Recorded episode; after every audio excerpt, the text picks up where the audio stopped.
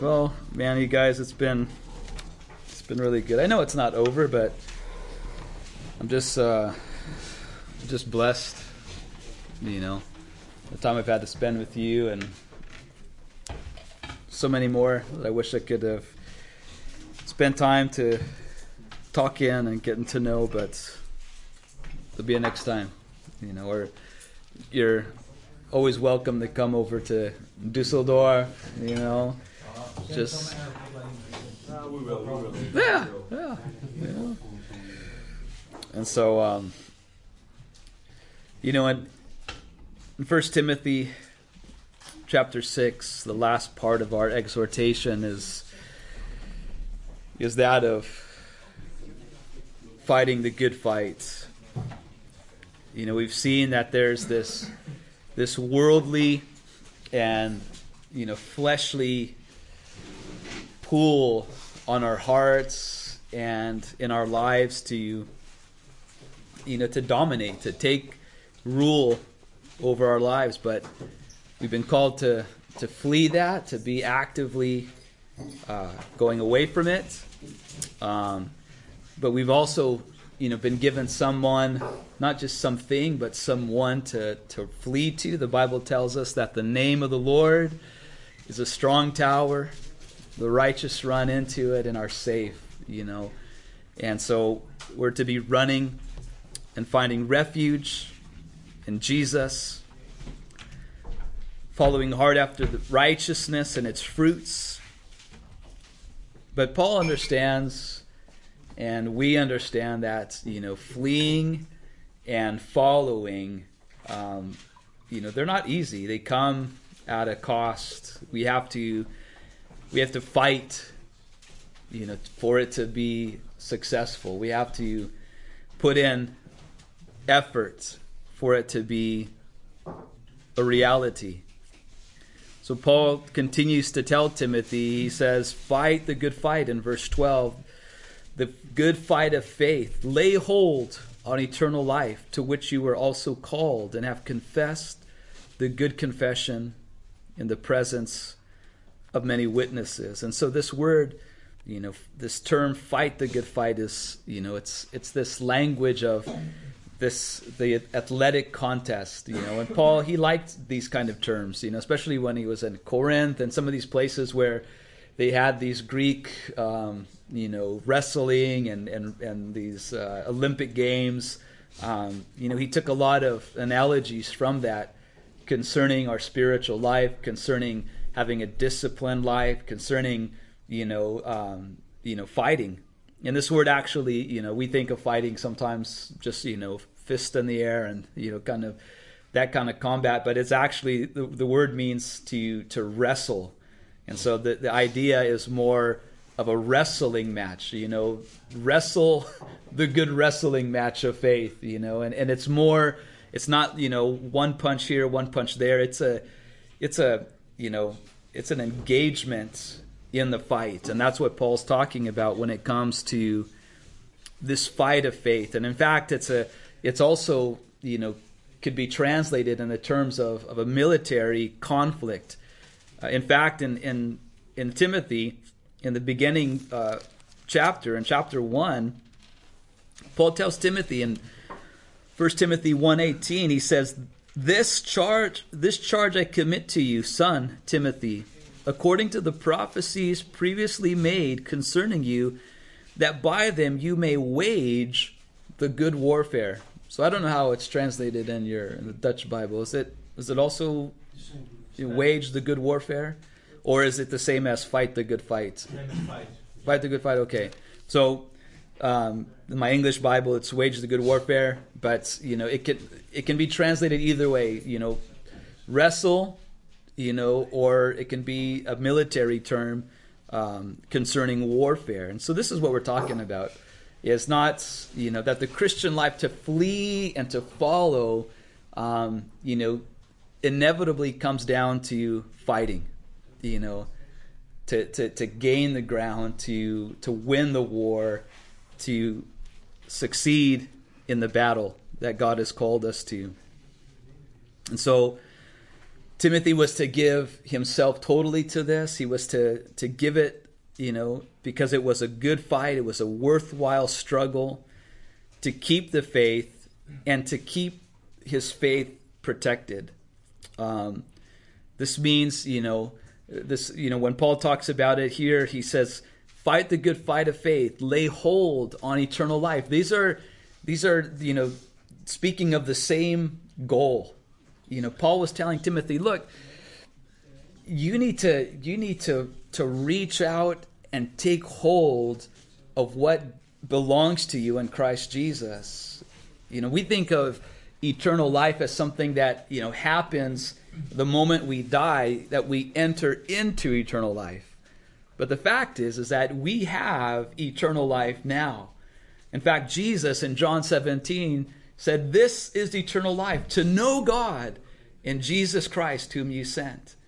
And so when we when we put our faith in Jesus and we, we begin this relationship with God, we you know we're possessors of eternal life and we possess the life of Christ. But the thing is is that a lot of us, you know, it's ours, but we're we're not really laying hold of it. We're not really taking it and possessing it. You know, it might be there, but we, you know, we don't really you know enjoy it or experience it you know it's kind of like a you know maybe like a you know a guy in the netherlands owning a ferrari you know it's like yeah he can drive it around and get people to look at him but the power of that car cannot be expressed in, in, in the Netherlands because you have a speed limit that's what like 100 or something like you know 120 at the most?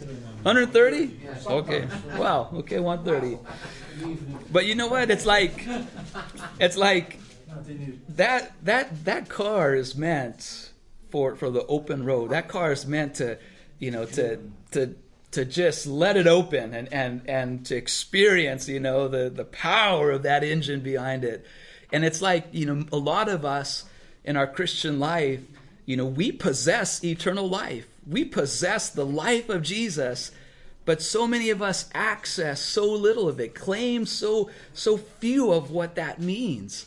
And Paul is telling Timothy, Timothy, you need to flee, you need to follow, and then you need to fight to possess what is yours in Jesus Christ. Lay hold of eternal life. This is what you've been called to. This is what Christ has provided. And I can't help but think of, of Joshua in the Old Testament. I mean, God told the nation of Israel, you know, I've given you this land. You know, it's a land flowing with milk and honey. You know, I mean, there's, there's, you know, it's all yours. He, he told the people of Israel, every place the sole of your foot treads, it's yours. It belongs to you. But you have to drive the people that are living there out. you know, it, it, it, you have to you have to you have to go in and fight for it. It it's yours, but there's people who want to hold what belongs to you and keep you from possessing it. And you need to go in and you need to drive them out and say, You no longer belong here. God has given this to me. This, is, this belongs to me so that I can cultivate it, so that I can bring it to bear fruit, that I can enjoy it to the glory of God. And this is how it is in our Christian lives. God says, You know what? I've given you eternal life, I've given you all these riches in Christ Jesus that I want you to experience. But you have to go in and, in the power of faith, drive out these occupiers in your life, in your heart, things that occupy areas of your mind and of your and of your heart that God says this stuff needs to be driven out. This prejudice, this anger, this lust, whatever it might be that has a corner of your heart or your mind or your life, you need to go in with the authority of Christ that this belongs to you. This, this land is God given. This territory belongs to God, and He's given it to you, and you can go in and you can have victory, but it's going to be a fight of faith. Because let me tell you something Joshua, his, you know, think about how think about the children of Israel. You know, the, a generation before Joshua, right? I mean, he was part of that generation, but they went in and they scoped out the land of Canaan and what did they see? They saw huge walls. They saw, you know, very tall, You probably descendants. You know, you're probably the descendants of the, of the, you know, they're they they're really tall guys. You know, there the Canaanites, and they thought we can never, we can never go in there. We can never do it. And so, unbelief kept them from inheriting the promises of God. It kept them out of the promised land. But Joshua, when he came, God said, "Hey." I want you to go in and cause my people to possess the land. And you know what? Those same walls were there 40 years later. Those same people, you know, just the next generation, were just as strong, just as mighty, just as opposing to the Israelites coming. But guess what? It wasn't the walls, it wasn't the Jordan River, it wasn't the Canaanites or the Jebusites or the Perizzites or whoever all these ites, whoever these guys were those weren't really the problem. They were never the problem. The, the, the, the challenge was do I believe God? Faith was the only thing keeping Joshua and the nation of Israel from possessing what God had given them. And the same thing is for you and for myself is God has so much more. He has so much more that he wants you to experience in the realm of of, of the spiritual world and, and, and the blessings that belong to us in Jesus. But you know what? You can't wait for them to fall on your lap. You need to go out and possess them. You need to go out and fight the good fight of faith. And so, this is what Paul is telling Timothy. You need to lead. You need, you know, whether you're a husband or whether you're, uh, you know, uh, just a young man or whether you're, you know, just a, the only Christian in your family. You need to take charge. You need to move forward and, and go and fight this fight of faith. The exhortation comes to us to fight. And, uh, you know, this Christian life is not for cowards, it's not for the weak. You know, I mean, we can be weak, as you know, and, and strong in Jesus, but we have to have a will to fight. This this word uh, in First Timothy, what this word fight is the Greek verb agoniz. I don't I don't speak Greek, so it's agonizomai, right? It's where you know in my language and English we get the word agony, right? And, and it's where we get the word agonizing because it's it's strenuous. It, it, it takes it takes everything in us, you know, to, to apply it and this is the kind of action that Paul is calling Timothy to in this fight of faith. This fight is agonizing because it's not only external, but often more than external, it's an internal fight. You know, we know that. Paul describes it in, in different ways in the New Testament. And I mean, you know, it's clear Galatians 5 16 through 17 Paul says, I say then, walk in the Spirit, and you shall not fulfill the lusts of the flesh. For the flesh lusts against the Spirit, and the Spirit against the flesh, and these are contrary to one another, so that you do not do the things that you wish. And so we know this, you know, we know this inner kind of struggle between the flesh and the Spirit, right? I mean, Jesus told us you know, I mean, he told the disciples when he went to pray, he says, You know what? He says, Watch and pray. He said, Because the spirit is willing, but the flesh is weak. You know, I mean, and, and that's the truth. You know, the spirit, we, we, we have, you know, a new heart, we have the Holy Spirit, and it's like we want to do what's right. We want to get up in the morning and seek the Lord. We want to witness, you know, to our coworkers. We want to love our wives. We want to, you know, do those things that, you know, that you know, relate to the spirit. But how many times do we do them? How many times do we actually, you know, fulfill that desire? You know, a lot less than we would like to. And and why? It's because we have, you know, We have the flesh that's weak, that you know doesn't want to comply, doesn't want to follow along, that that desires against the spirit, so that we end up doing nothing, or we end up doing the exact opposite of what we wanted to do. And this is the real, you know, there's a, a real battle that goes on inside of our hearts, inside of our minds, and the way that we win that, the way that we overcome, is through faith. Paul talked about the weapons that he had as a as a as an apostle, as a missionary who came against a lot of conflict. You know, I mean, you know, a lot of people loved Paul, but just as many people hated Paul. You know, and, and that was just a, a reality that he had to deal with. You know, he would come into a town and people would either love him or they would want to kill him. You know, and then he had not only you know just the the unbelieving you know people, the unbelieving Jews or the unbelieving you know Gentiles that you know that you know wanted to kill him. He had you know believing people that were trying to discredit him and, and tear him down.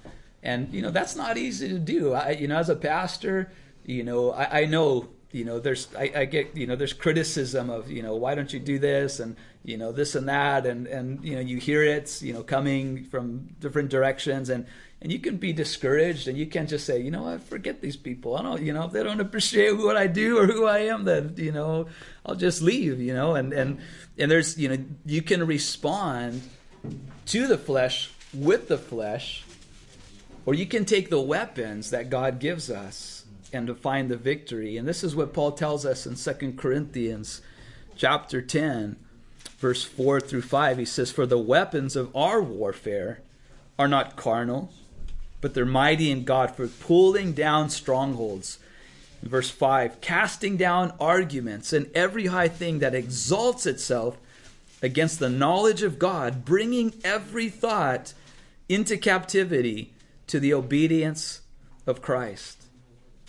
And so here's one of the things that God's given us to, you know, to wage this this this warfare, to have victory in this battle that you know is in our minds and in our hearts, and especially when the enemy is trying to discourage you. You know, when you're when the world or your opponents are trying to discredit you, is that you know instead of fighting back with words instead of you know responding you know to that facebook post you know well you're stupid you know and what do you think you know or whatever you know and you and you see that unfortunately you know you see that on on social media you, you hear about you know people texting back and forth writing emails back and forth and and it's just you know it's just flesh and flesh you know it's just responding you know in in the power of of, of the flesh to try to defeat the flesh and that just doesn't work doesn't work, you guys. The way that God's given us, the weapons that he, He's given us, are not carnal, they're not fleshly, but they're weapons that God's given us that you know employ and bring in His power to pull down strongholds. And these are spiritual strongholds. These are things that we can't grab at with our hands. We can't, you know, talk them away with our words. The only power to pull down these strongholds is prayer and the word of God. And this and these are these are what we need to learn how to how to use in the battle, how to how to fight the fight. Because God's given us, you know, given us prayer, which can do way more than any of our words can ever do, way more than any of our arguments can ever accomplish when we bring those things to God, when we bring those people to God, when we bring those situations to God and we lay them before God and say, Lord, here's this situation, here's this person, here's this problem, you know, Lord, please, you know, be my guide, be my defense, you know, fight for me in this situation. If we can lay it down and, and give it to God, you know, I, I'm telling you, he can do a much better job than any one of you or I um, in our own strength. And then the other thing is that when the enemy comes in and he begins to, you know, lie to you about, you know, God's promises or, or what God thinks about you or whatever the, the situation might be, it tells us here in Second Corinthians that, you know, with the knowledge of God, we can cast down these arguments. We can bring them into obedience to God. And this is what happens. You know, you you get this thought in your mind, you get this this thing in your heart that's that's trying to tempt you or trying to lead you away. What, what you need to do in those in those situations is that you need to first identify, you know, identify what's what's coming in. Is this is this thought from God? Is this does this thing, you know, line up with God's will and God's word? And if it doesn't, then you take hold of it and you bring it down and you and you submit it you bring it under the word of god you judge it by the word of god. And if it's not lining up with truth then you destroy it. Then you renounce it. Then you slay it with god's word. And that's how that's how we win these victories. That's how we win these battles. And and, and let me tell you there's you know these battles are raging you know every day. You know you you go into work you you come home and there's these all of a sudden you get these thoughts you know that just get you in a bad mood you know and you don't even know why. Why am i in a bad mood? You know and your wife's like why are you in a bad mood? Know i don't know why i'm in a bad mood you know. I, I don't even know myself you know. And, and and there's sometimes that there's these you know there's these these spiritual battles there's these lies that come in. And and either we can just you know let those things take over and and and lead us and and and bring division and and discouragement or whatever or we can grab hold of these thoughts and we can bring them to obedience and say, no, you know what? This is false. You know what?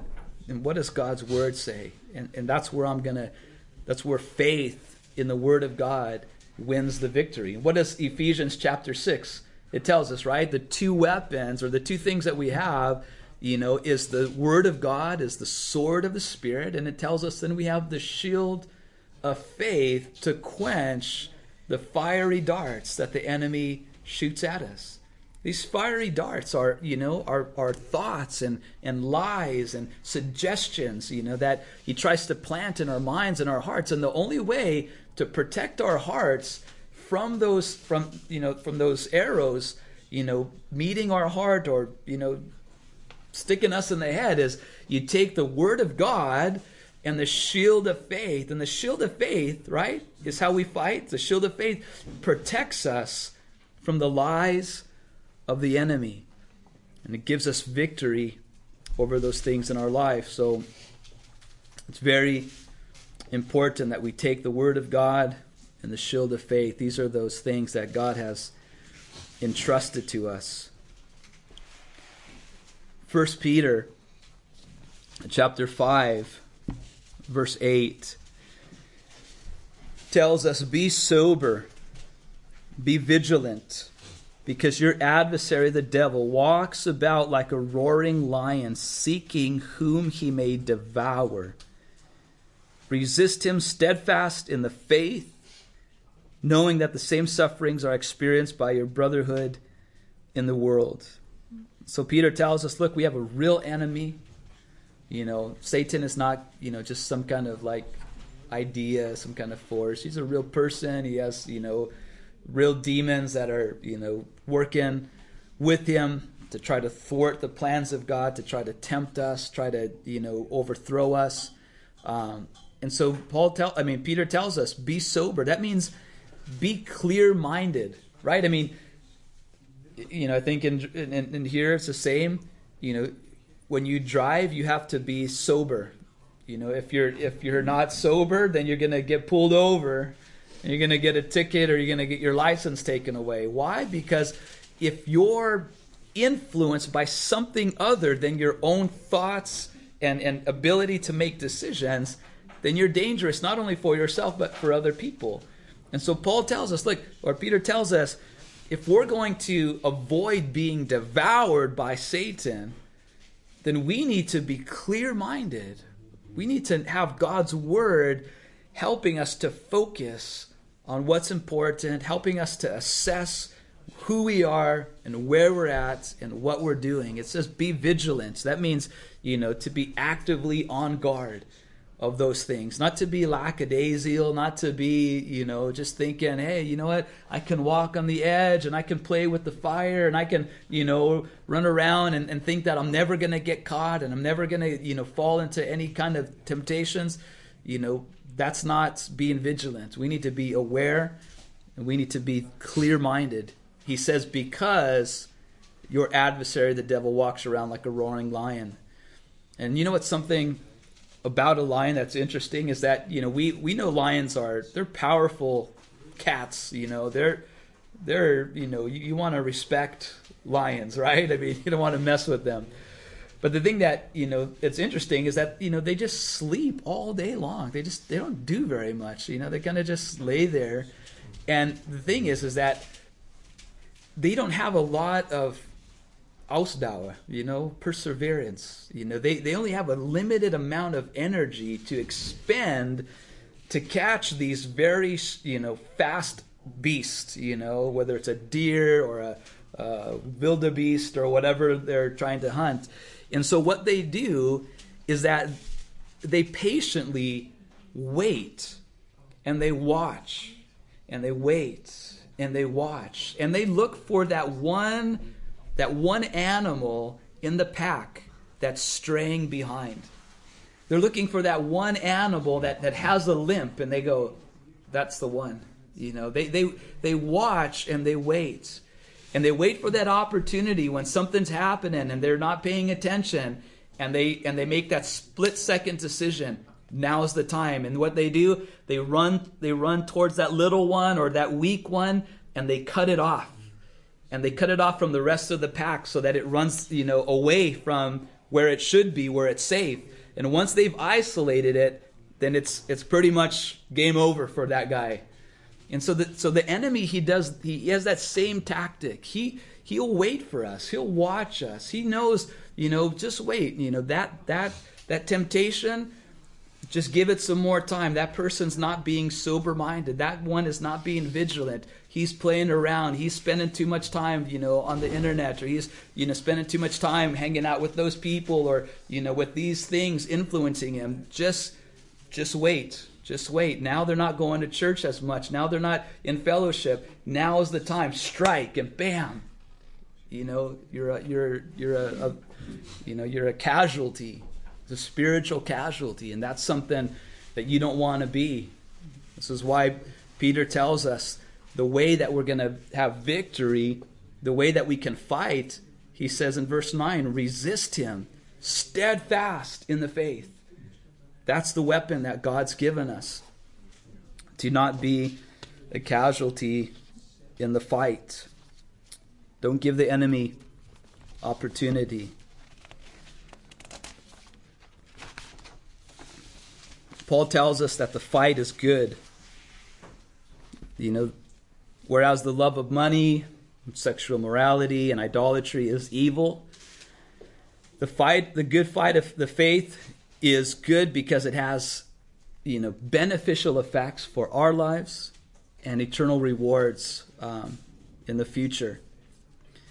It's a fight of faith, faith in Christ, His death, His burial, His resurrection, knowing what He's done, what He's promised to do, and you know believing it with all of our hearts. But two ways to understand this kind of fight of faith is one would be that Paul is telling Timothy that, you know, to guard his faith um, that is being attacked by doubt or unbelief, you know, to, to fight the fight of faith, hold on to, you know, to your faith, even when, it, when, when things are difficult, even when you feel like, where is God in my life? You know, how could God allow this to happen? When these things threaten your faith, fight to maintain your faith. Keep trusting in God, keep trusting in His promises. And the other way to understand this fight of faith is that faith is the weapon that God's given us in order to obtain some victory beyond faith itself. And this is kind of what we talked about concerning Joshua, you know, having faith to then obtain the promises of God or obtain the promised land.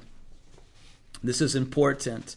Uh, I think these two, you know, these two aspects of, of, of that go hand in hand. You know, Timothy needs to guard his heart. He needs to guard his faith from unbelief and doubt and and uh, these things, and so do we. But we also then need to take the faith that we have and use it and apply it to obtain all the things that God wants us to have. And Paul says at the end of his life in 2 Timothy 4 7, he says, I have fought the good fight, I have finished the race, I have kept the faith. And all of these things mean the same thing finishing the fight, finishing the race, keeping the faith.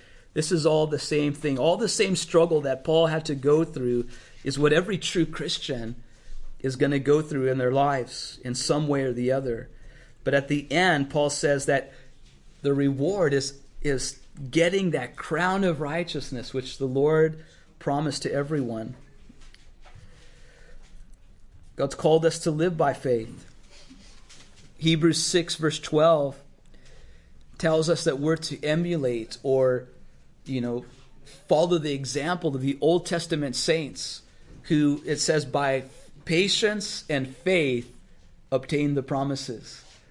And, and, and, the, and the writer of Hebrews is exhorting the, the, the, the readers not to become sluggish, he says, not to become, you know, weary or tired or lazy about their walk of faith.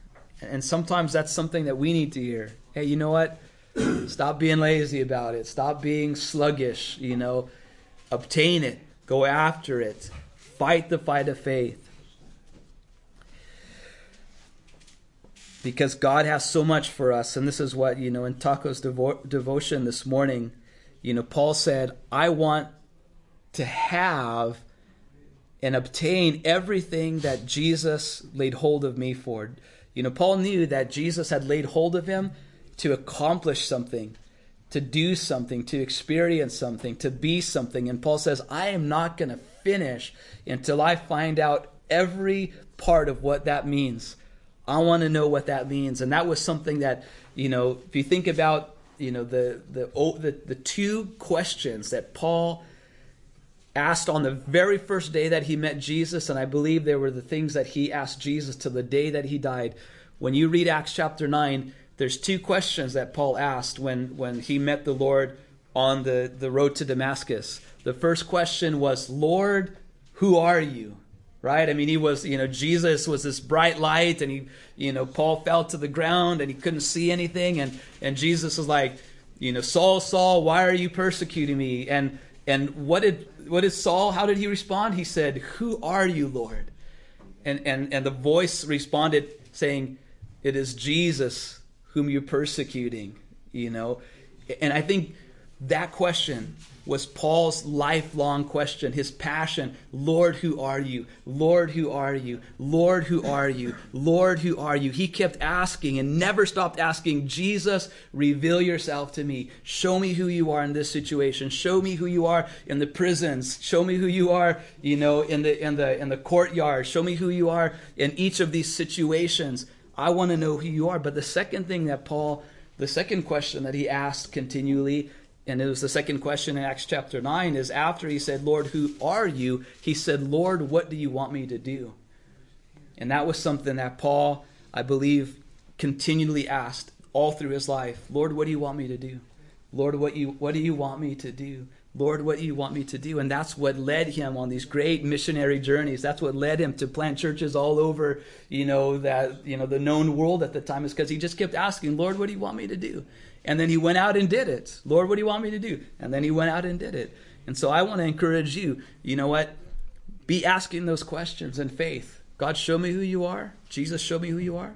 And then tell me what you want me to do because there's victories to be gained, there's things to be experienced in our walk with Christ. And this is something that helps us to grow in faith. Um, you know, I can tell you that when we went to plant the church in Dusseldorf, um, you know, it was there was a there was a major spiritual battle um, that was inward and that was outward. The first the first battle when God called me to to plant the church, you know, is the battle that I think that that most people you know who who enter into ministry or any kind of service for the Lord is is that battle of feeling insufficient. God, I can't do this, Lord, who am I? You know, and it's like, you know, that's the inner struggle of, feeling insufficient, feeling like the wrong guy, like there's somebody better for this, like Lord, not me, why me? And and then, you know, taking that, you know, overcoming that through faith. Okay, God, if you've called me, then you're going to equip me and you're going to use me, and so I'm going to take a step. I'm going to make put myself on the altar. I'm going to let you do what you want. And that was that first feeling of insufficiency. And then there's the the fear of failure.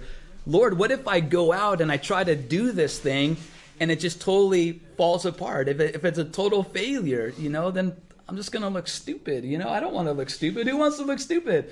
You know, so there's a fear, fear of insufficiency, there's the fear of failure to overcome. And then, you know, there was the fear of, you know, provision. You know, what if we step out and we go to try to plant this church, you know, in Dusseldorf and you know, we have no financial support. We have no, you know, we have no help. What if people don't come? You know, and then we're to just be there by ourselves and, and with no money and three kids. You know, I mean, God, how are we to do this? And so those are those those are some of those inner battles that the only way to overcome them is to take our eyes off of ourselves and take our eyes off of our situation and put our eyes on our Savior. That's how we overcome. That's how we fight those battles. But let me tell you something else. There was a there was a threat from Satan um, concerning my children. I remember before we moved up to up to Dusseldorf, we were still living in Herborn. We were driving back and forth doing Bible studies there, um, and I just remember, you know, every night we pray for our kids. You know, we, we ask, you know, for God's blessing and protection. And I, I just remember as clear as day, you know, I was praying for my kids. And, and then there was just this voice that, that whispered in my ear, I'm going to get your kids. And I was, I was like, where did that come from? You know, and, and it was just Satan. It was just, it was just, you know, one of his tactics of fear. Lord, what if we go there? And what if this is what if we go to the ruin of our children? Lord, this, you know, and and really, you know, it's like do we want, you know, do we really want a church plant to, you know, at the expense of our of our family?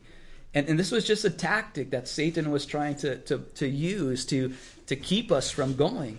And, and so we committed our family, we committed our children to the Lord, and we said, Lord, if you call us, then you're going to protect and you're going to provide and you're going to equip and you're going to be that all that we need for this ministry.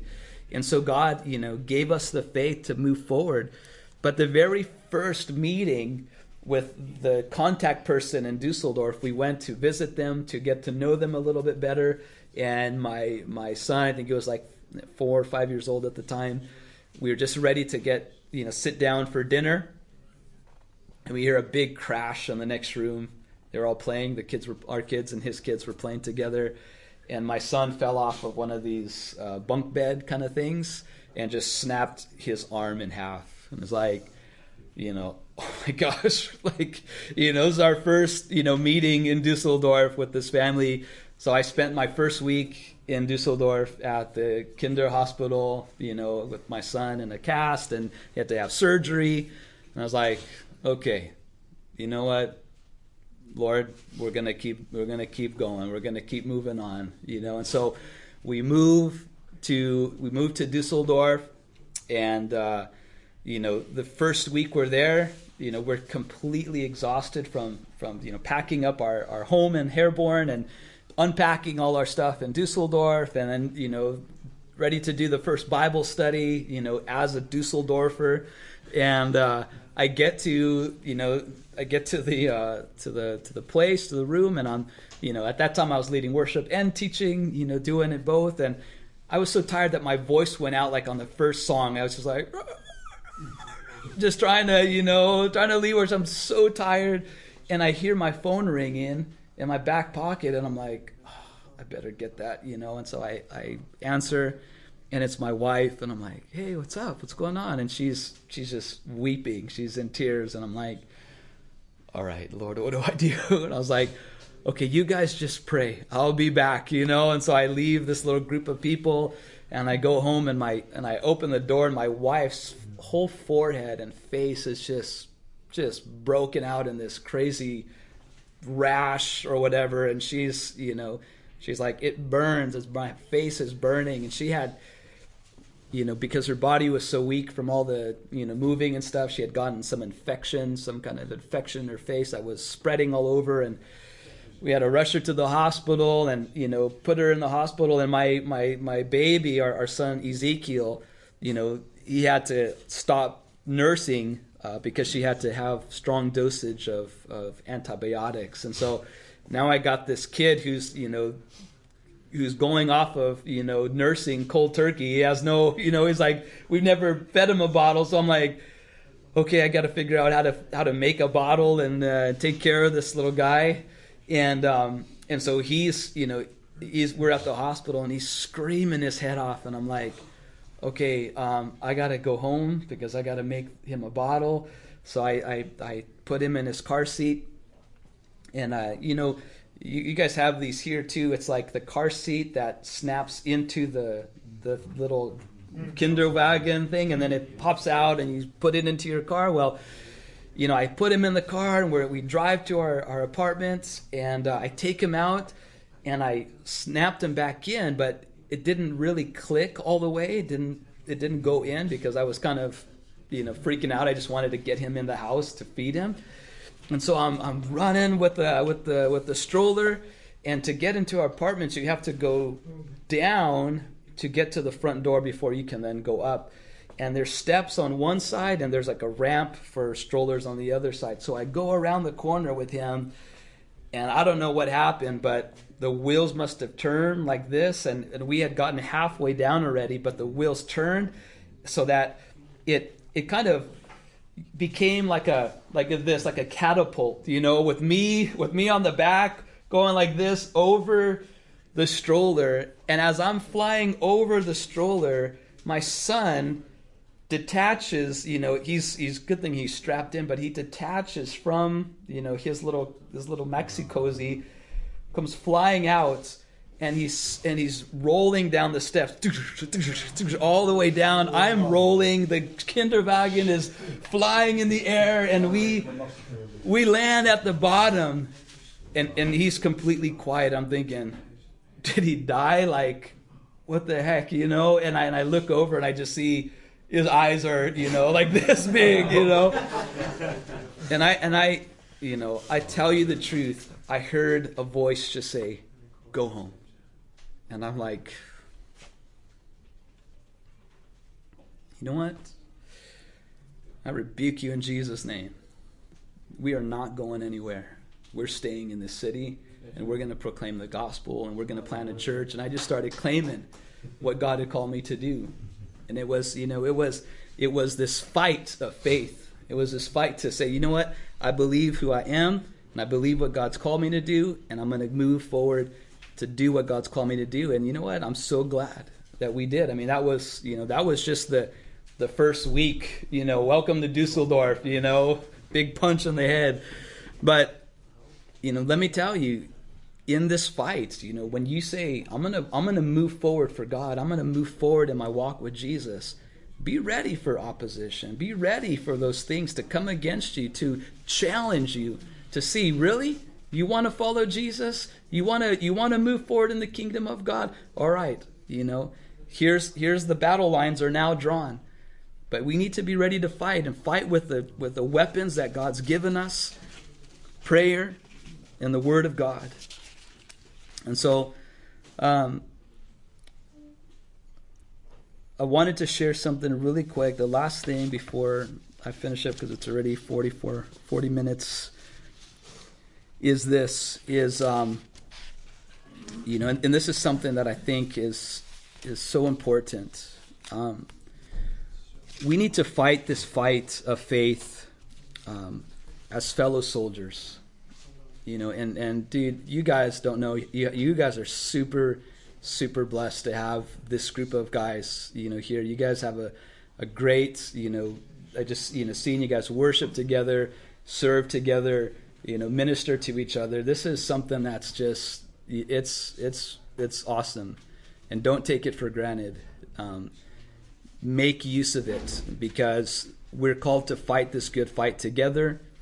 We're called to you know move forward as a as a unit, as a as a you know as an army that God's called us to, and the Bible tells us and in Hebrews, uh, real quick, in Hebrews chapter 3, verse 12 through 13, it says, Take care, brethren, lest there be in you an evil, unbelieving heart leading, to, leading you to fall away from the living God. But exhort one another every day, as long as it is called today, that none of you may be hardened by the deceitfulness of sin. For we share for we share in Christ if only we hold our first confidence firm to the end. And so the, the writer of Hebrews is saying, look, there's a real danger of falling away, of being, you know, being led away from the living God, from this active life of faith. And he says the the the answer to that, the protection of that, the way that we can fight against that is if we commit to exhort one another, if we commit to, you know, encourage one another in our faith and away from sin. And you know, we, we have to allow brothers to speak into our lives and not be offended when when a brother says, "Dude, what's up? What's going on with you? You know, why you why you doing this? Why you there? Why you with that person? Why you know?" And calling us out on on those attitudes or those actions that we're taking you know and and know that if somebody does that it's because they love you it's because they're trying to look out for you to to you know get your back you know and so that's something that we need to be able to exhort one another it says because you know what it tells us sin is deceitful you know sometimes we think you know we're so clever we think that i'll never fall into that i'll never go down that route i'll never do that thing you know what watch out. You know, 1 Corinthians 10, verse 12 says, Let he who thinks he stands, you know, beware lest he fall. You know, if you think you're, you know, beyond being exhorted, if you think you're beyond being rebuked, if you if you're beyond being teachable, then you're the one that's going to go first. You need you need to be able to receive from your brothers.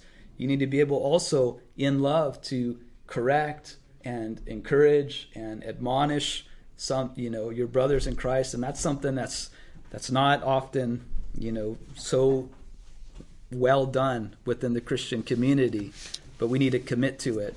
One last verse, Hebrews 10 tells us in verse 23 through 25 let us hold fast the confession of our hope without wavering for he who promised is faithful and let us consider how to stir up one another to love and good works not neglecting to meet together, as is the habit of some, but encouraging one another, and all the more as you see the day drawing near. The writer of Hebrews says, Look, you know, Jesus is coming. We need to be ready for that, but we need to also commit to stirring one another up to love and good works. We, we can't be isolated Christians. We can't be Lone Ranger Christians. We need to find community. We need to have a place where we can be honest and open and share life together. And that's something that, you know, I can tell you, um, you know, at, at Calvary Chapel Dusseldorf, we, you know, right now we have three. We're we're ready to start our fourth, you know, home group within the within the you know within our church, and these home groups are, you know, I, I think they're they're one of the, you know, I mean, we have two women's two women's Bible studies that are meeting on Mondays as well. But um, but these home groups are for me, even as as the pastor, are you know the highlight of my week. Sunday's great. I love Sunday. I love seeing everybody, but but when we get together on Wednesday nights, you know, small group of people,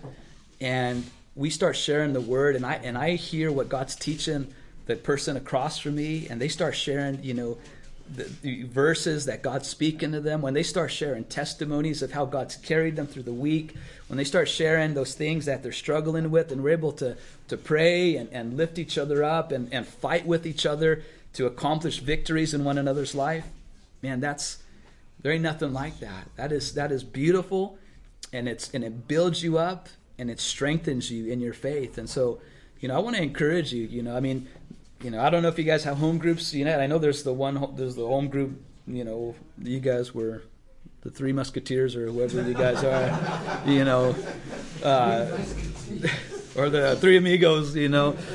Uh, you know, and, and I think you know that's awesome. I'm so excited for you guys, but but I think you know, you, you, what you need to do and what you need to pray about is is you know when you get to church, you know you need to you need to think about you know who am I gonna who am I gonna hang out with there? Who am I gonna invite to lunch? Who who am I you know how am I gonna connect? with another brother, you know, and their family, or that or that single guy, or that whoever it is, you know, I, I need community just as as much as that next guy does. Sometimes we think like, okay, I'm going to help that guy out, but you might you might end up finding out that guy, you know, might be the best thing for your life, and and and that's something that God's called us to is to have those that fellowship in the fight, and that's going to bring us through. That's going to bring us through to the end, and so I'm going to pray for you guys and uh, I know we're going to have some some uh, small group discussions, and so I'm going to um, just pray and ask the Lord to to seal these these things. You know, flee, follow, and fight. So God, I thank you for this gathering. I thank you for these brothers here.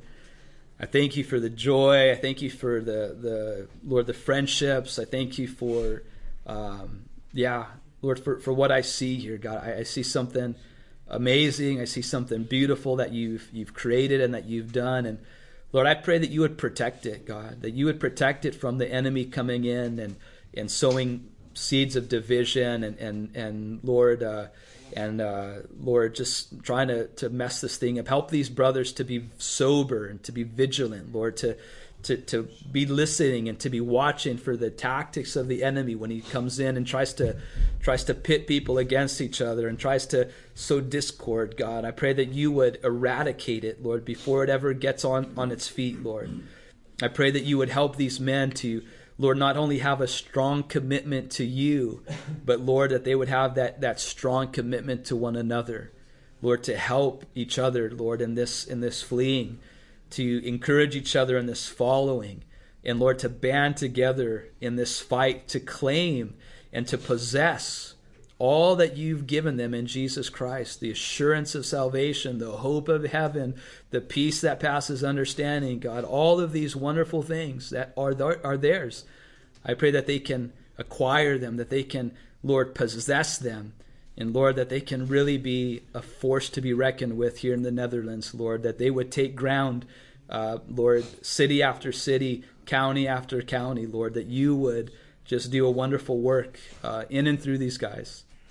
I bless them. I thank you for them in Jesus' name. Amen.